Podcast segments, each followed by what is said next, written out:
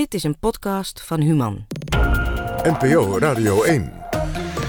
Human.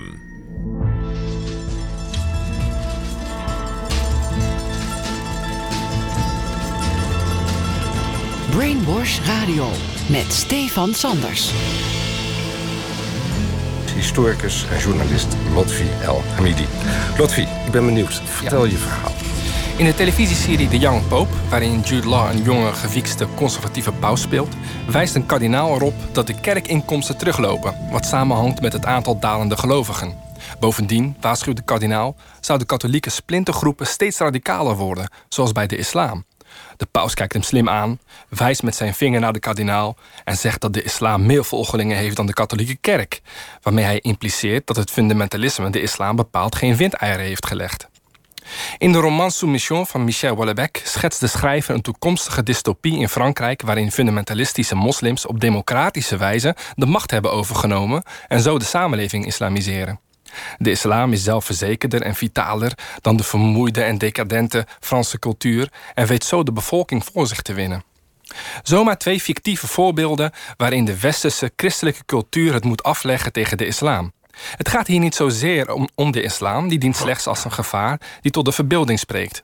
Het gaat vooral om het zelfbeeld, het idee van een beschaving in verval, een cultuur ontdaan van religie en spiritualiteit en dus zonder betekenis.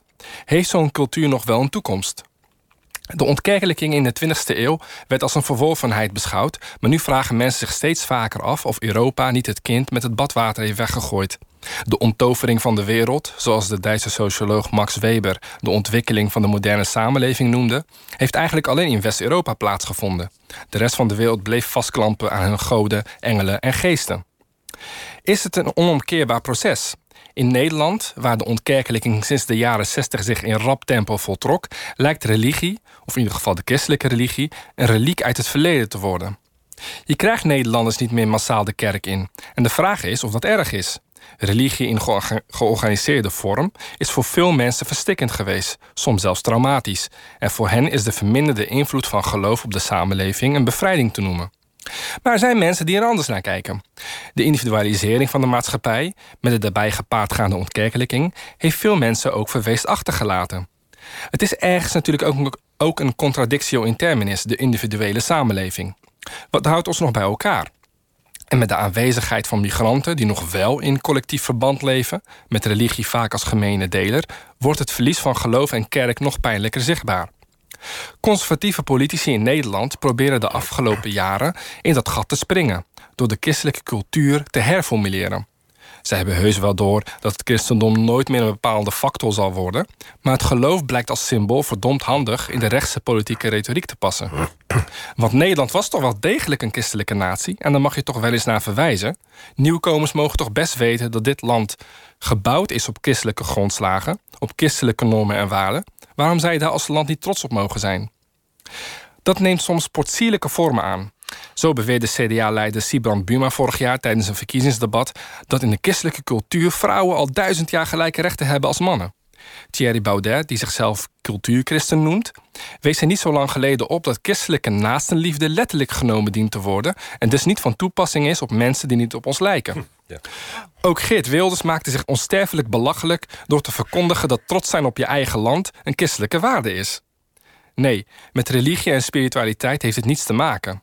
De manier waarop de zogeheten joods-christelijke cultuur wordt ingezet in de politiek is om vooral duidelijk te maken dat die andere religie, de islam, er in ieder geval niet bij hoort. Saillant detail. Voorheen hoorde je ze wel eens spreken over de joods-christelijke humanistische cultuur, maar kennelijk is het humanisme te universeel om op te noemen. Is de christelijke cultuur ten dode opgeschreven? Ik denk van niet, maar de karikatuur die ervan gemaakt wordt zal in ieder geval niet de redding zijn. Dankjewel, Lotfi Al-Hamidi. Ja. Ehm, ik luister naar je mhm. en uh, ik dacht... ik weet dat jij zelf uh, moslim bent, uh, beleidend. Um, en je hebt het over cultuurchristenen, dus conservatieve politici... die zichzelf cultuurchristen of cultuurkatholiek of wat dan ook noemen. Bestaat er eigenlijk een cultuurmoslim, vroeg ik me af. Een cultuurmoslim? Ja, dus iemand die, die wel de wortels heeft... en die ook wel wil zingen, maar die niet meer aan het geloof doet. Dat hoor je niet vaak, maar die zijn er wel. Ehm, eh, een, een specifiek voorbeeld, Diab Abu Yaya uit België. Of Libanon, België, geloof ik. Hè? Ja, Vlaamse Libanees. Ja, ja, ja. Uh, die, die noemt zichzelf expliciet cultuurmoslim. voor zover ik me nog herinner, had, had hij het over waarden zoals gasvrijheid en solidariteit. Nou, vraag je me af of, of een Libanese christen zulke waarden niet kan hebben. Mhm. Maar waar het vooral om gaat, is inderdaad dat hij gevormd is door die cultuur. En ja, dat hij dat, dat hij niet omheen kan. Tegelijkertijd denk ik ook, er zit er ook een tactisch element in. Um, afvalligen hebben binnen de islamitische gemeenschap het wat lastiger. Dus als je jezelf nog cultuurmoslim noemt, dan word je, word je wat moeilijker geëxcommuniceerd, denk ik. Dat, dat denk ik ook, hè, als buitenstaander. Maar ik, ik, kan me daar iets bij voorstellen. Ik heb nog, ik heb nog een historisch voorbeeld. Uh, een seculiere socialist zoals uh, Abdel Nasser, de Egyptische president... die helemaal niets met de religie te maken wilde hebben. Maar die in zijn retoriek toch wel eens wilde verwijzen naar de islam...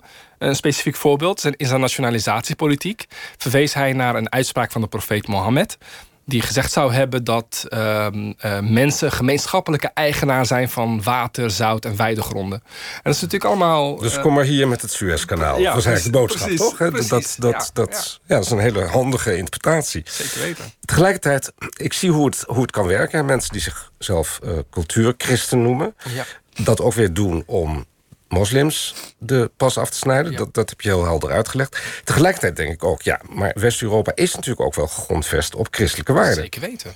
En ergens is het natuurlijk ook wel, begrijp me niet verkeerd, ik vind het ergens ook wel jammer dat, um, dat het inderdaad dat het kind inderdaad met badwater wordt weggegooid. Want ik heb bijvoorbeeld voor de klas gestaan. Mhm. En dan moest ik een onderwerp zoals de reformatie gaan behandelen. Nou, dan moet je natuurlijk beginnen bij de, bij de basics, helemaal aan het begin dan vraag je bijvoorbeeld van uh, wie Petrus en Paulus zijn.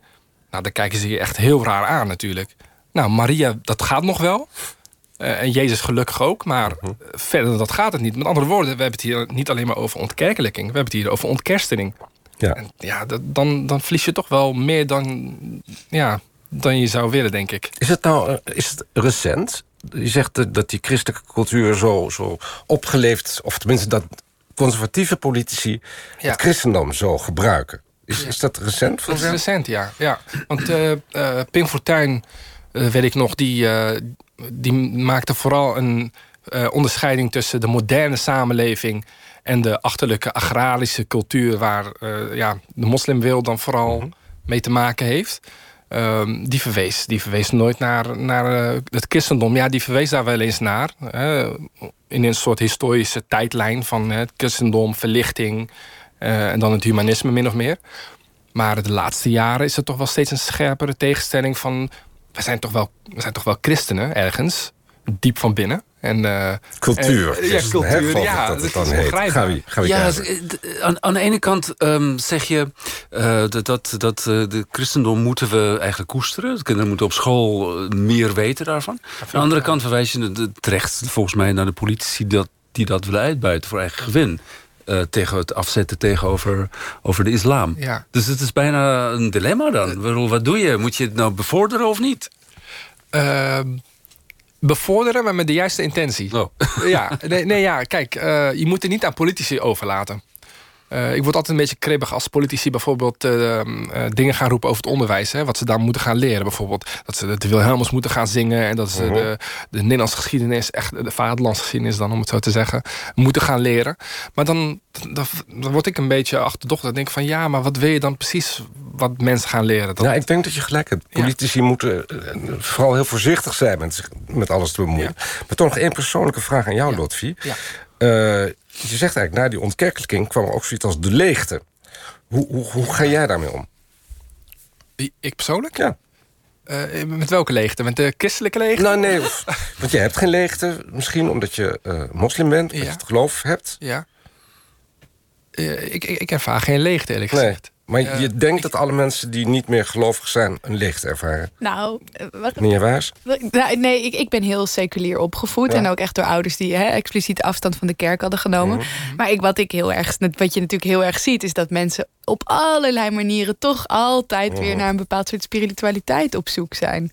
Uh, uh, dan niet via het christendom, maar dan, dan via Oosterse religies of wat dan ook. Weet? Er is altijd wordt er wel inderdaad iets gedaan om dat gat weer te vullen, denk ik. En mensen verzinnen ook dingen. Verzinnen zelf rituelen, Ja. dingen... om toch een soort markering te maken van Ja. een of het ander.